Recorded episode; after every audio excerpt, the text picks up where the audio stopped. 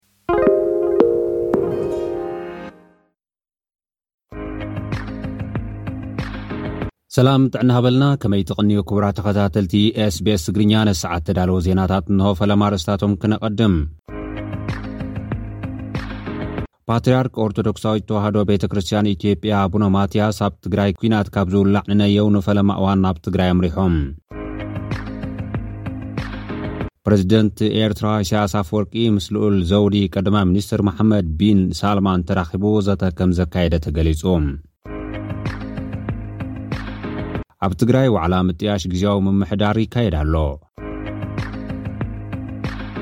ልዕሊ ሱሳ ዓለምለኻውያን ትካላት፣ መንግስቲ ኢትዮጵያ ናብ ውድብ ሕቡራት ሃገራት ንዘቕረቦ ጥርዓን ምቛም ምርመራ ገበናት ኲናት ትግራይ ተቓዊመንኦ።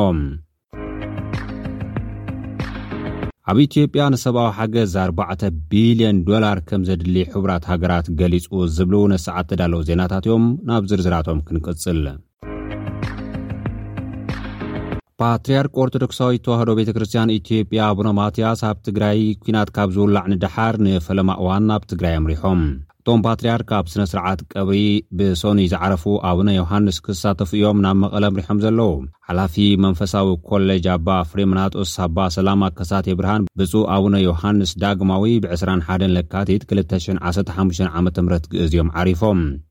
ኣቡነ ማትያስ ድማ ኩናት ትግራይ ካብ ዝውላዕ ንደሓር ናብ ትግራይ ንፈለማ እዋን ከይዶም ኣለዉ። ፓትርያርክ ኣቡነ ማትያስ ኣብ ኣህጉራዊ መዕርፎ ነፈርቲ ኣሉላ ኣባ ነጋ መቐለ ኣብ ዝኣተውሉ እዋን ብመራሕቲ ሃይማኖት ትግራይ ኣቀባብላ ከምዝተገብረሎም ማዕከናት ዜና ትግራይ ጸብጺበን ኣለዋ። ድሕሪ ቀትሪ ድማ እቶም ፓትርያርክ ናብ ኣዲስ ኣበባ ከምዝተመልሱ ተገሊጹ ኣሎ። ፕረዚደንት ኤርትራ ኢሳያስ ኣፍወርቂ ምስ ልኡል ዘውዲ ቀዳማይ ሚኒስትር መሓመድ ቢን ሳልማን ተራኺቡ ዘተ ከም ዘካየደ ተገሊጹ። ፕረዚደንት ኢሳያስ ኣፍወርቂ ኣብ ሪያድ ምስ ወራሲ ዘውድን ቀዳማይ ሚኒስተርን መሓመድ ቢን ሳልማንን ካልኦት ላዕለዎት ሰበ ስልጣን ስዑዲ ዓረብን ሰፊሕ ዘተ ከም ዘካየደ መንግስታዊ ማዕኸናት ዜና ኤርትራ ጸብጺበን። ኣብዚ ትማሊ ሓደ መጋቢት ዝተኻየደ ኣኸባ ክልቲኦም ወገናት ኣብ ሰፊሕ ኣግባባት ሽርክነት ንምዕባይ ህልው መጻእን ረብሓታት ክልቲኤን ሃገራትን ከምዝተስማዕምዑ እውን ተገሊጹ ኣሎ። ሚኒስትር ምክልኻል ስዑዲ ዓረብ ኣሚር ካሊድ ቢን ሳልማን ቢን ዓብዱል ዓዚዝ፣ ሚኒስትር ጉዳይ ወጻኢ ኣሚር ፋይሳል ቢን ፋርሃን ዝርከቦም ሰበስልጣን፣ ኣብ ኣገዳስነት ዘለዎም ዞባውን ኣህጉራውን ጉዳያት ዝተገብረሉ ምይይጥ ከምዝተረኽበ እውን ተገሊፁ ኣሎ። ፕረዚደንት ኢሳያስ ኣፈወርቂ ብዕድመ መንግስቲ ንግስነት ስዑዲ ዓረብ ናይ ክልተ መዓልቲታት ወግዓዊ ዑደት ንምግባር ናብ ስዑዲ ዓረብ ከምዝተበገሰ እውን መርበብ ሓበሬታ ሻባይት ዶት ኮም ዘውፅኦ ሓበሬታ ኣመልኪቱ ኣሎ። ኣብ ትግራይ ዋዕላ ምጥያሽ ግዝያዊ መንግስቲ ይካየድ ኣሎ፣ ንስምምዕ ፕሪቶርያ ኣስዒቡ ኣብ ትግራይ ዝግበር መሰጋገሪ መንግስቲ ንምቛም ኣብ መቐለ ዋዕላ ይካየድ ኣሎ። እቲ ዋዕላ ብኣካየዲ እቲ መጣየሲ ኮሚቴ ሌተናል ጀነራል ታደሰ ወረደ ዝምራሕ ኮይኑ ኣብቲ ዋዕላ ብድምፅን ዘይድምፅን ዝሳተፉ ኣስታት ኣርባዕተ ሚእቲ ኣካላት፣ ውድባት፣ ስቪክ ማሕበራትን ካልኦትን ይሳተፉ ኣለዉ። ኣብ ትግራይ ዝርከቡ ውድባት ፖለቲካ፣ ሳልሳይ ወያነ ትግራይ፣ ውድብ ናፅነት ትግራይ፣ ዓረና ትግራይ ንዴሞክራስን ሉኣላውነትን፣ ባይቶና፣ ባይቶ ዓባይ ትግራይ፣ ዴሞክራስያዊ ፓርቲ ዓሲምባ ግን ኣብቲ መድረኽ ከም ዘይተረኽቡ እዩ ተገሊፁ ዘሎ። እዚ ንክልተ መዓልታት ቀፂሉ ዘሎ ሎሚ ክዛዘም ትፅቢት ዝግበረሉ መድረኽ ንልኡኽን ኣወዳድባን እቲ ዝጣየሽ መሰጋገሪ መንግስቲ፣ ክፍፍል ስልጣንን ንዝመፅእ ካቢኔ ዝህሉ ቅርፅን ክዝቲ መደብ ኣውፂኡ ኣሎ። እቲ ግዝያዊ ምምሕዳር ካብ ሽዱሽተ ወርሒ ክሳብ ሓደ ዓመት ገደብ ስልጣን ዝህልዎ ኮይኑ፣ ድሕሪ ኣብ ትግራይ ዝካየድ መረፃ ምምሕዳር ክርከቦ መደብ ከምዘሎ እውን ኣብቲ ዝካየድ ዘሎ ዋዕላ ተሓቢሩ እዩ። ልዕሊ ሱሳ ዓለምለኻውያን ትካላት መንግስቲ ኢትዮጵያ ናብ ውድብ ሕቡራት ሃገራት ዘቕረቦ ኣብ ኩናት ትግራይ ዝተፈጸሙ ገበናት ናይ ምጽራይ መስርሕ ጠጠው ክብል ዝጽውዕ ትርዓን ተቓዊመንኦ። ብመንግስቲ ኢትዮጵያ ዝካየድ ዘሎ ድፍኢት ቅድሚ ሕዚ ተራእዩ ዘይፈልጥ ዓለም ለኻዊ ምጽራያት ገበን ንምጥንቓፍ ዝግበር ሓደገኛ ጅማሮ ክኸውን ዝኽእል ክብላ እውን ገሊጸን ኣለዋ።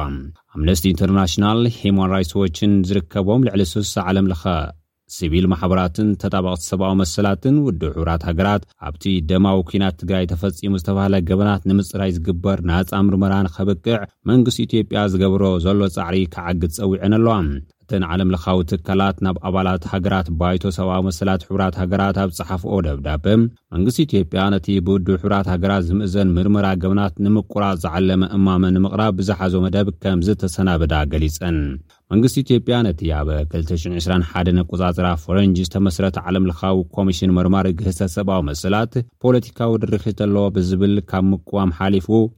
ክሳብ ገንዘብ ከይምደበሉ ጻዕርታት ከም ዝገበረ ዝዝከር እዩ። እንተኾነ እቲ ጻዕርታት ከይሰመረ ከም ዝተረፈ እውን ዝፍለጥ እዩ።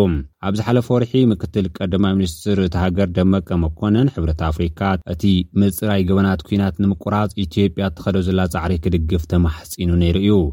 እተን ሲቪል ማሕበራትን ተጣበቕቲ መሰላትን ግን ነዚ ብመንግስቲ ኢትዮጵያ ዝካየድ ዘሎ ድፍኢት ቅድሚ ሕዚ ተራእዩ ዘይፈልጥ ዓለም ለኸ ምጽራያት ገበን ንምትዕንቓፍ ሓደገኛ ጅማሮ ክኸውን ዝኽእል ምዃኑ እውን ሻቕሎተን ገሊጸን ኣለዋ። ብፍላይ ኣብታ ሃገር ኣብ ውሽጢ ትካላት ዝነበረ እምነት እናተሸርሸረ ሰበ ስልጣን ንተጣበቕቲ ሰብኣዊ መሰላት ምግፋዕ ኣብ ዝቕጽለሉ ዘለዉ እዋን ፍትሕን ተሓታትነትን ናይ ምርግጋጽ ስራሕቲ ኮሚሽን ውድብ ሕቡራት ሃገራት ኣሐይሉ ክቕጽለሉ እውን ተማሕጺነን ኣለዋ። ኣብ ኢትዮጵያ ንሰብኣዊ ሓገዝ ኣርባዕተ ቢልዮን ዶላር ከምዘድሊ ውድብ ሕቡራት ሃገራት ኣፍሊጡ። ቤት ጽሕፈት ምውሃድ ሰብኣዊ ሓገዝ ሕቡራት ሃገራት ኦቻ ብሰንኪ ጎንጽን ለውጢ ነባሪ ኣየርን ተጸበይቲ ሰብኣዊ ረድኤት ንዝኾኑ ኢትዮጵያውያን ንምሕጋዝ ኣስታት ኣርባዕተ ቢልዮን ዶላር ከምዘድልዮ ኣፍሊጡ ኣሎ። ኦቻ፣ ትልሚ ሰብኣዊ ረድኤት ኢትዮጵያ ኢሉ ኣብ ዝዘርግሖ ናይዚ ዓመት መደቡ፣ ኣብ ምሉእ ኢትዮጵያ ንዝርከቡ ኣስታት ዕስራ ሚልዮን ዜጋታት ሰብኣዊ ሓገዝ ንምብጻሕ ሰለስተ ነጥቢ ትሽዓተ ትሽዓተ ቢልዮን ዶላር ከምዘድልዮ ኣፍሊጡ። ካብቶም ህጹጽ ሰብኣዊ ሓገዝ ዝጠልቡ ዜጋታት እቶም ኣርባዕተ ነጥቢ ሽዱሽተ ሚልዮን ተመዛበልቲ ውሽጢ ዓዲ ከምዝኾኑ'ውን እቲ ጸብጻብ ኣመልኪቱ። ንሓደጋታት ለውጢ ነባሪ ኣየር ካብ ዝተቓልዓ ቀንዲ ሃገራት ከም ዝኾነት ዝንገርላ ኢትዮጵያ፣ ኣብ ገለ ክፋላት እታ ሃገር ንተኸታተልቲ ሓሙሽተ ወቕትታት ዝናብ ከይዘነበ ከቢድ ድርቂ ከም ዘስዓበ እቲ ትካል ኣፍሊጡ'ሎ።